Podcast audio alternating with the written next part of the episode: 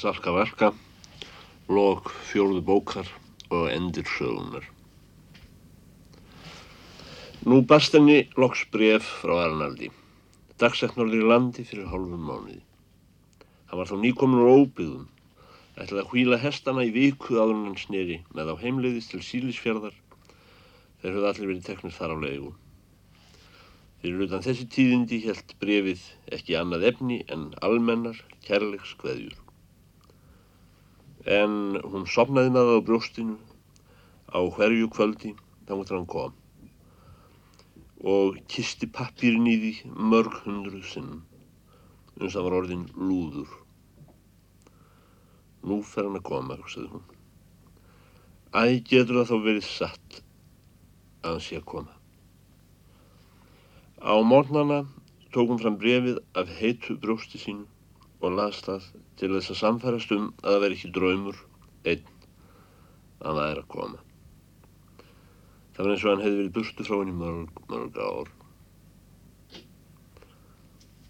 Já, hún var fastráðun í því að standa við hlýðunum alltaf. Alltaf. Hún var samferðum að hann myndi hafa brautargengi í viðreistnastarfinu, ungu síður en nýðurrifinu.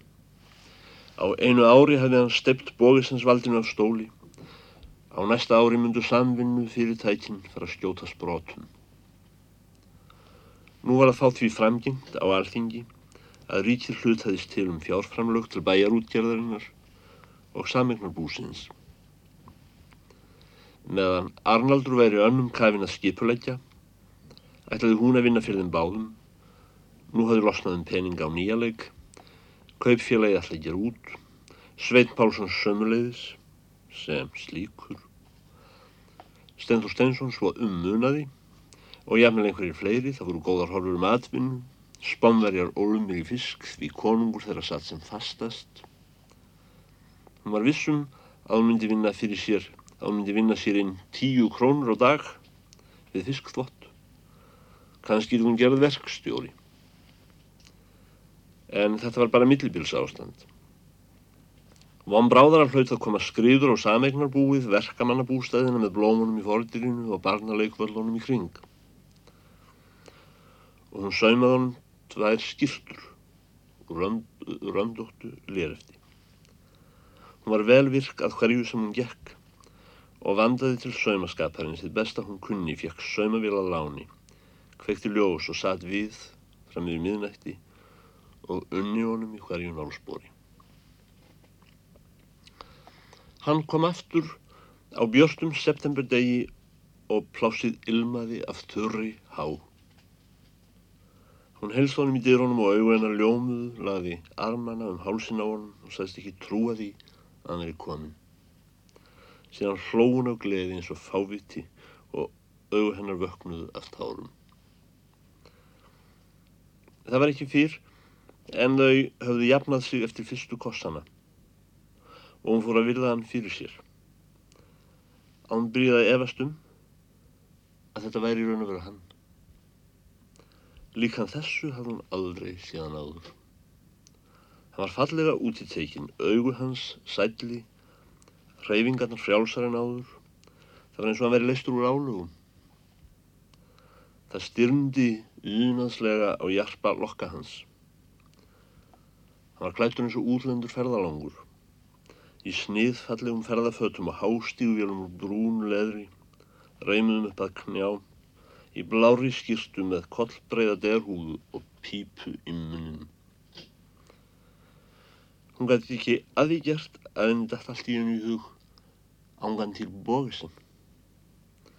Skýrstunar sem hún hefði verið að sauma voru stórgerðar og ljótar í samanburði við nýju skýrstuna hans.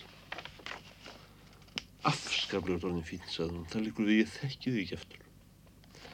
Hann kist hann og hló, stóð á fætur. Að, ætlar ekki að segja mér ferð, söguna, spurði hún. Og þó hálf hikandi. Það var svo sem ekki neitt, sagði hann. Allt gleymist jafnóðum og líður. Við vorum mánuð í óbyggðum. Það voru tveir kallar frá Kaliforníu og einn kona. Anarkallin er dómari. Hinn á stóra ávaksta akra og þýstra náttúrufræðingur. Dóttir hans er skáldkona og skilin við mann sinn. Hún er rítstjóri að einu stærsta málgagn í ameríska dýravendunarfélaga. Hún er kommunisti. En hvað varst heppin hún skildi vera kommunisti, sagði Salka Valka. Já, það var mjög gaman að tala við þau öll. Náttúrulega verður því ekki neitt að mentaðir borgarar í öðvöldskipuleginu hafa fjölbreytt hugsunarlíf. Við kommunistar erum oft full strángir í dómum þegar við teljum allt efna fólk, glæpamenn. Hitt er náttúrulega satt. Það er leitun á borgurum, jafnvel borgarlegu mentafólki sem sé nógu félagslega mentað til þess að skilja síðferðisrög samegnastefnunar. Ég tala nú ekki um að aðhyllast þau. Þetta fólk bauðst til að taka móti mér ef ég kemur vestur.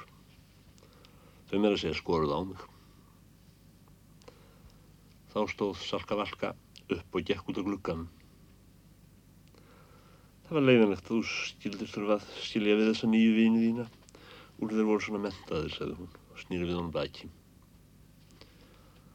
Það hlýtur að þurfa meira en litla mentun til að geta aðhylst sameignarsstefnuna í sama orðinu og dýravendunarfélagið. Ég kenni bara í brjóstum þig að vera búin að skilja við þau og lendur aftur á meðal okkar, dýranna. Hvort ég hefði skoðað huga minn lengi um að slást í för með þeim ef ég hefði verið í þínum spólum. Já, það hefði nú svo sem verið nógu gaman, sagði hann létt úr í svörum. Jæja, ég veit ekki hvað ég er að hugsa, sagði hún. Ég sem hafa búin að lofa honum Sveini Pálsín að hjálpa honum til að taka saman, að taka saman hána. Hann getur komið á þegar minnst varir. Í dýrónum tók hann yfir axliðinni. Af hverju svona kuldaleg, spurði hann. Má ég ekki einu sinni minnast á útlanda konu á þess að þú verðir afbríðisum? Konu sem á heima hinum einu á jörðinni? Jú, jú, sagði hún. En það er ekki í fyrsta sinn sem þú hefur minnst á því líka konu við mig. Nú er þú vonandi fundið hana og ég samfagna þér. Um kvöldi reyndu ég að finna til eins og þau væru aftur eitt. En það var aðeins blekkingar til raun. Hann var breyttur.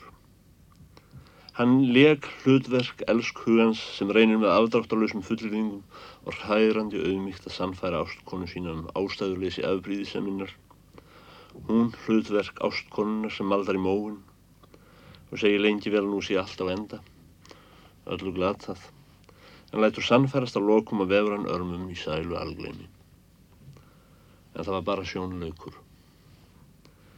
Innst inni fann það eitt að hann breyttur. Það var eins og látin persóna sem vitrast mann í draumi. Til að mynda móðir hennar sem árum saman hafi komið til hennar á nætturnar fín og vel ílits.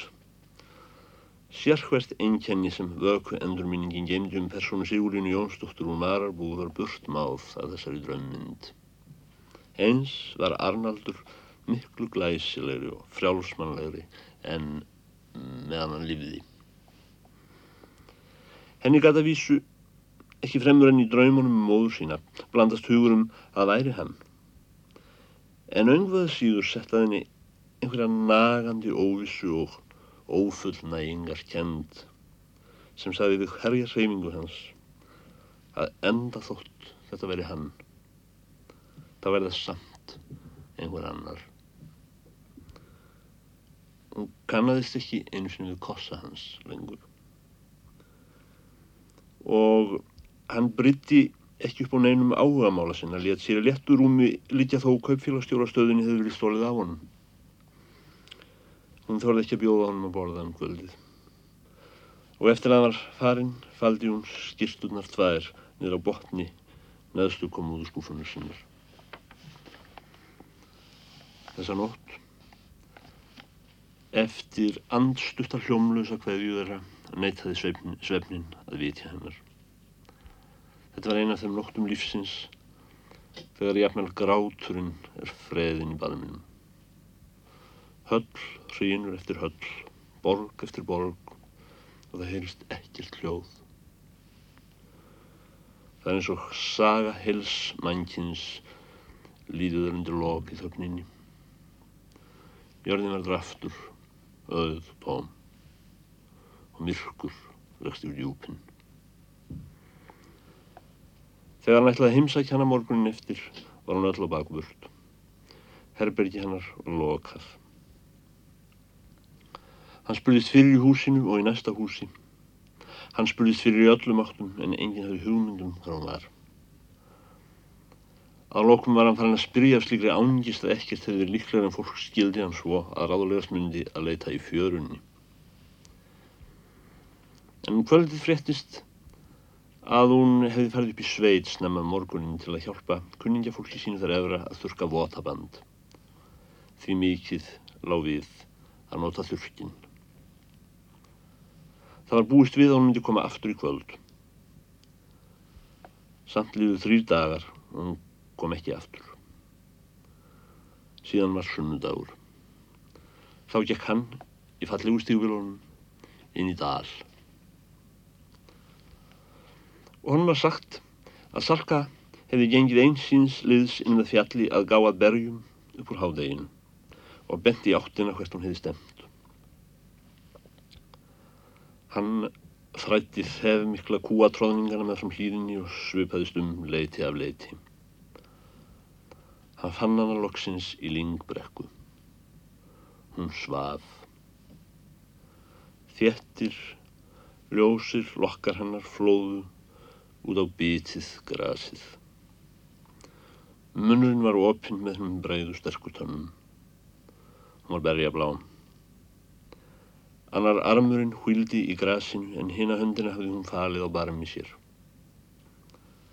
Hún var í blágráum flúnarskjól og í lónni satt hei og mosi.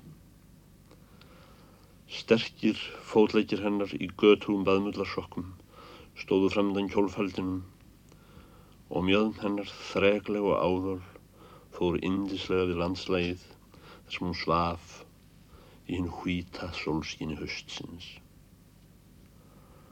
Hún hefði tekið þessu skóna og þeir láði hlið hennar í grasinu mótaður á fótum hennar eins og tvær litlar tryggar skefnur. Við hlið hennar voru nokkur kramin bláber í hvítum skíluklút. Hún andaði hægt og djúpt eins og hún hefði sopnað þreytt og háræðarnar komið fram í höfrundinu og kynnum hennar rauðar og smágervar. Hann satt lengi hjá henni áður hann vekti hana. Loks laði hann lófan á enni hennar.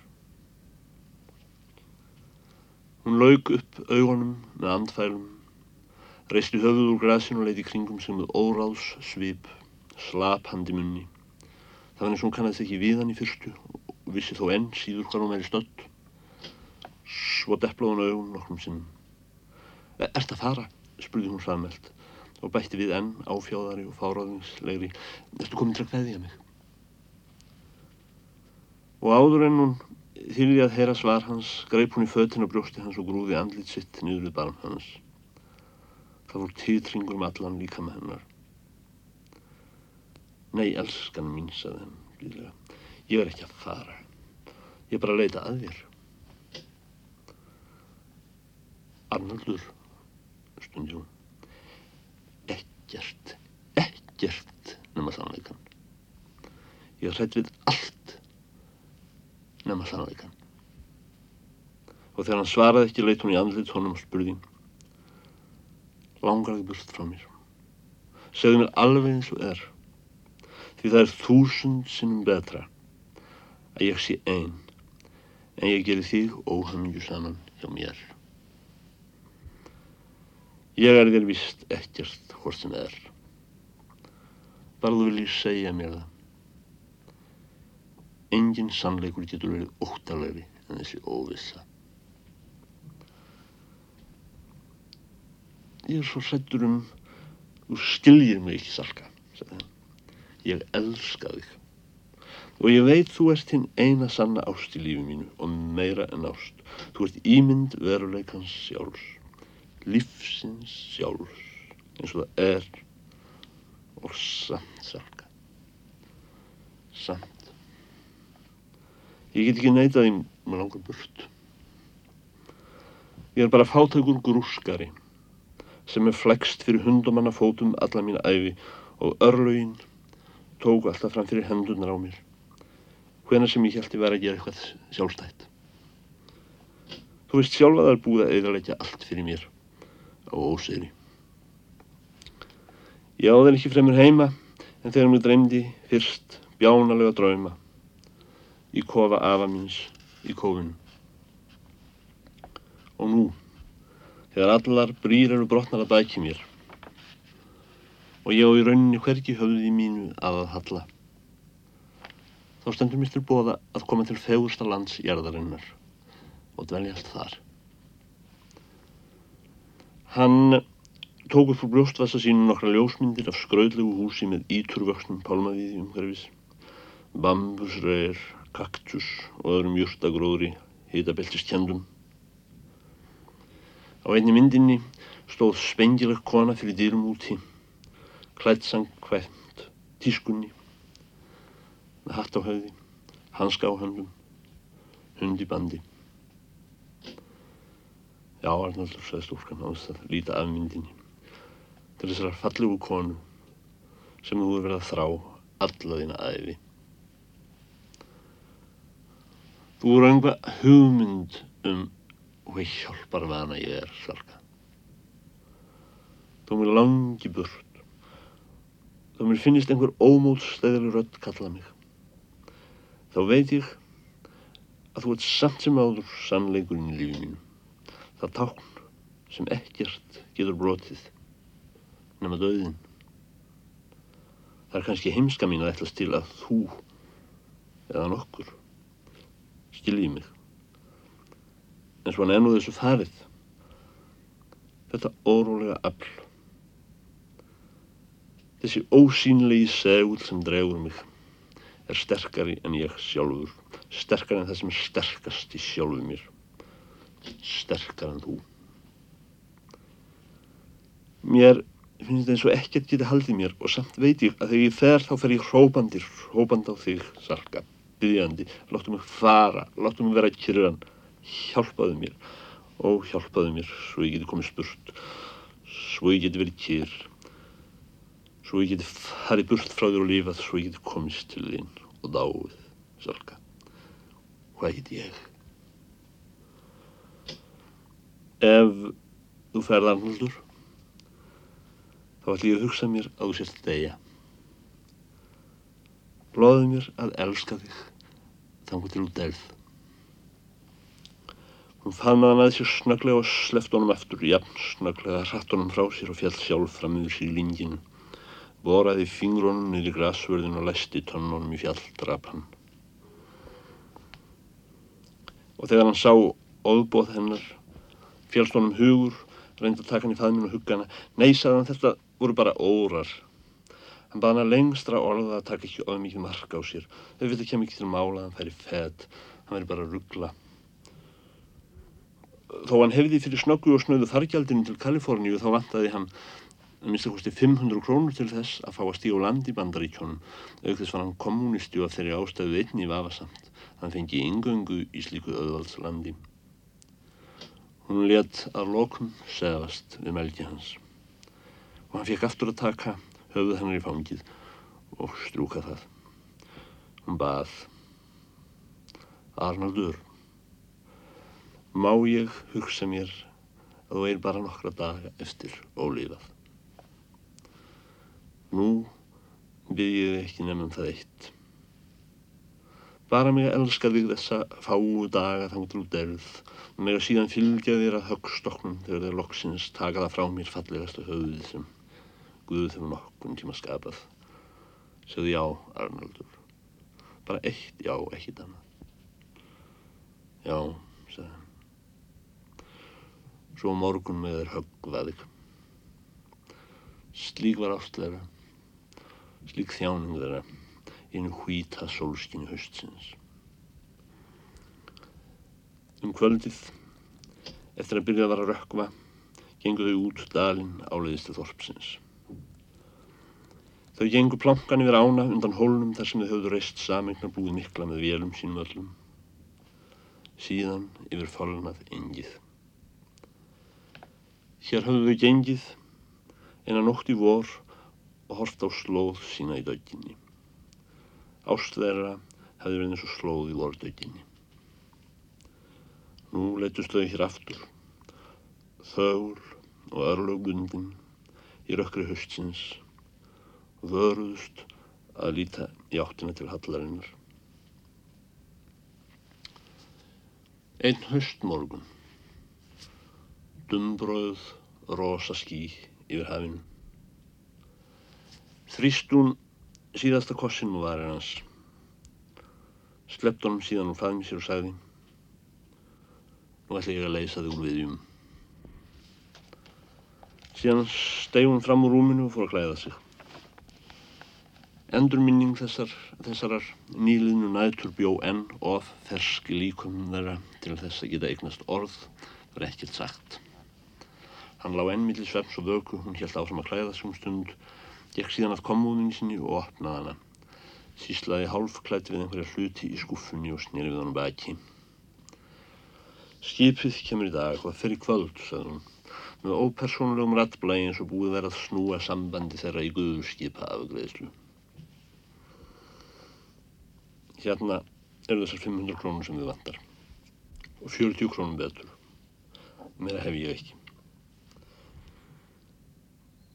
Hvað áttu við? spurði hann og vaknaði nú til fulls. Til fulls.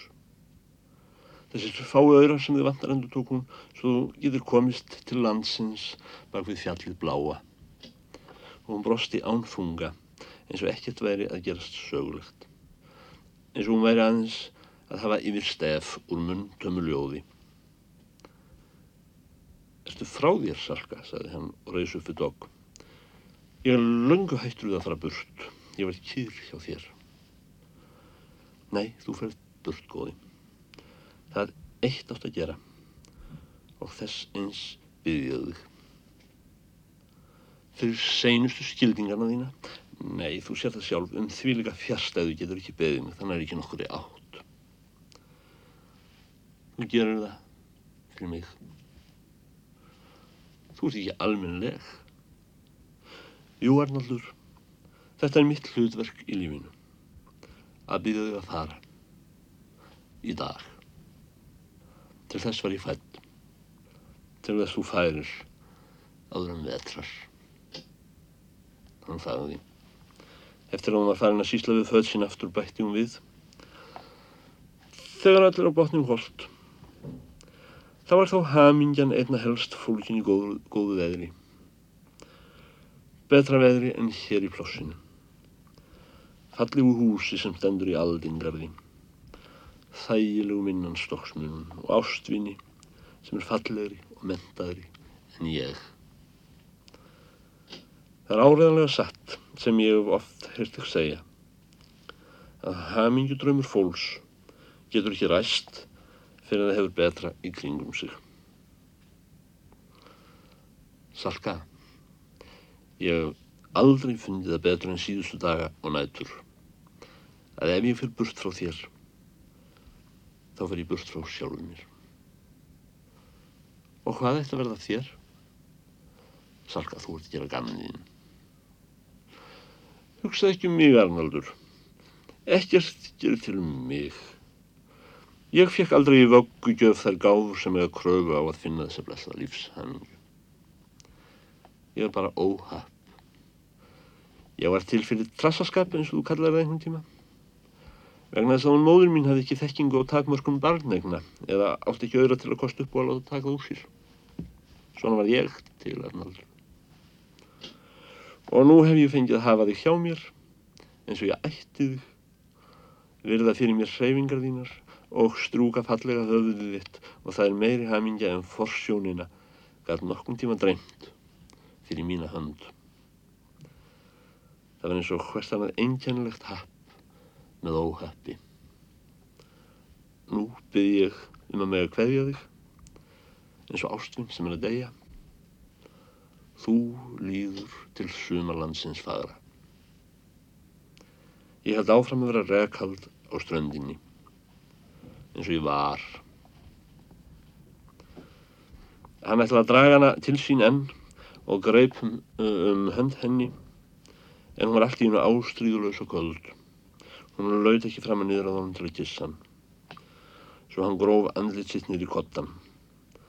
Mállaus og án þess að geta þetta hárast. Hún fylgd honum út í skipið fyrir rökkur. Þau sátu á sömu þóttu fram í og allir horfðu á þau. Sumir hvísluðust á. Það vildist alltaf verða tölverð alda, saði hann. Innfjörðaröldunar er alltaf krappastar, saði hún. Hann er með snjóadáldi í aukslina í nótt, saði hann. Já, saði hún. Það eru fyrstu snjóvar. Síðan leitt hún á stígvélina hans sem hún hefði sjálf bustað í dag og sagði Mundur nú eftir að láta nýður hjá þér skóaburðinin? Já. Þú veist vissum að þú hefði ekki glemt neinu, tóstu útlandubókina sem hún lést hon í næst eftir skuffuna mína í fyrragvöld. Nei, hún var eftir. En það gerði ekki til. Hún var alls ekki fyllilega marxistísk. Jæja, sagði hún, en þú hefði nú samt átt að taka hana, svo þú hefði eitthvað til að líta í, söður. Hann leitt á hana þar sem hún satt við hlýðanans. Þau voru að nálgast strandferðarskipið og þegar lítið var til lands virtist plásið strax verið orðið svo ópersónulegt, lágkúrulegt og þýðingalöst undir fjöllunum háu. Næstum ekki annað en hugtak. En hún varðist að mæta augnaráði hans og horfið beint fram fyrir sig, köld, einbeitt og sterk. Hvert með um hálsinn, spurði hann og tók í litla silfurfesti sem rétt gæðist upp undan hálsmálinu á peysun ennur að aftan. Hann dró festin upp úr hálsmálunum með einum fingri og þá komi ljós að hjekk á henni dálítið silfurinisti. Hvað er þetta, spurði hann, eitthvað nýtt? Aldrei hef ég þig með þetta áður. Það er gamalt nisti, saði hún. Ég hef ekki haft það í mörg ár, en nú ætla ég að hafa það. Þú gafst mér það þegar við skildum síðast og, og brosti við. Þá hætti hann að spyrja og leitt aftur niður fyrir sig. Hann hafði ekki hugreikki til að byggja hann að opna það og hún stakk því inn undir peysu hálsmálið aftur án þess frekar að væri á það minnst. Skipið var búið að blása tvísvar. Við skipsliðina var dál til kvika og það var þægileg hugardræfing að reyna að ná handfestu og skipstígan. Hún hjálpaði hann að bera farangurinn hans upp á þylfarið. Allir horfðu á þau. Hann svo veraldar vannur, ekki síst í fulltingi þessara nýjulegu sportfata sinna og stíguvjala, auk þess frægur bolsi, nafn tókað um landallt, maðurinn sem stipti bóðisins valdin og stóli. Hún, allt of stór, hrjúf, út í tekinu vinnuleg, berhauð í mórauðri ullarpessu, miðmikil, brám. Ímsir kýmdu á eftir henni eða köstuðum millir sín óvirðulegum aðtóðasandum. Fýtni hlamfar þegar hún fannst að blátt áfram ónáttúrlegt að Arnaldur Björnsson sem þó, þrátt fyrir allt var mentaður maður, skildi geta haldi við svona stórgerðan og ruttalagan hvern mann. Hún kvatti hann við skipstegan í miðri fólks öðsynni. Þau kistust snöggum kossi og hann laði lofan á aukslin á henni og hvíslaði síðan einhverju í eira henni. Sem snöggvast og horfið hún á hann undrandi og spurl og í svip var eins og hún ætlaði enn einu sinni að leggja hendurnar um hálsunum en hætti við það þegar hún sá andlit hans og þjáningu þess þá sömu sem einu sinni hafi búið í andlitinu á hann litla bróðurinnar sem dó þjánum lífsins. Kanski hafðu þau aldrei elskast meir en þetta augnablík. Eitt augnablík. Síðan hraði hún sér ofan stígan og var í næstu andrá nýri bátn og settist í skutin þannig að andlit hennar vissi til lands. Ræðaratnir settust undir árar og fjallegðust skipið í nokkrum tóum en hún leiti ekki um hæl. Hún gekk upp lágeirina fram hjá Oddsflatarkofan og þar voru konur á hlaupum því nýjunda barnið hjónanna var einmitt að fæðast þetta kvöld. Í hliðinu stóð Guðmundur Jónsson Kadett og gáði til veðurs. Hann tók ofan fyrir stúlkunni. Sæl, sagði hann. Nú er það gott sem er á góða peysu, sagði hann. Já, sagði hún. Umlega hún gekk fram hjá í peysunni sinni. Hann er kaldur fyrir þá sem er að fæðast, sagði Guðmundur Jónsson Kadett. En hún svaraði ekki því hún var komin nokkur skrefi burt. Það var alveg skuggsýnt, ráslauguldi og byrjaði að hegla. Hann virtist að rjúk upp með garð. Hún settist í klappirnar finnaðan túnið í mararbúð undir eh, slútandi kletti og horfði um stund agndofa á haglið bilja á fjörugrjótinu. Strandferðarskipið var að sigla út fjörðin og misti óðum allan persónulegan svip við vaksandi fjarlægð. Það var alveg næstum eins og hugtak. Svo hún trúði valla sjálfa hún hefði áðan staðið þar á þiljum. Síðan tók hún nistið að hálsi sér og opnaði það. Þessi barns mynd var ekki lengur mynd. Hún var næstum því afmáð. Hún var í rauninni aðeins endurminningu mynd ímynd breytileikans og samt. Hún átti ekki neitt annað. Hún átti ekkert framar annan þessa mynd sem var ekki lengur mynd og þessi orð þau sem hafi verið hvíslað í æræni ég kalla á þig fyrir í dag og nú er krían farin. Flæðarmálið dapurt eins og indislega hreyfingar hennar hefði ekki átt sér stað, hefði aldrei átt sér stað. Æðurinn er líka á bak og burt. Þessi and heiti Dunmjúki fuggl sem býr sér verð mikil hreyður. Ú, ú, ú, voða, voða. Hann er horfinn.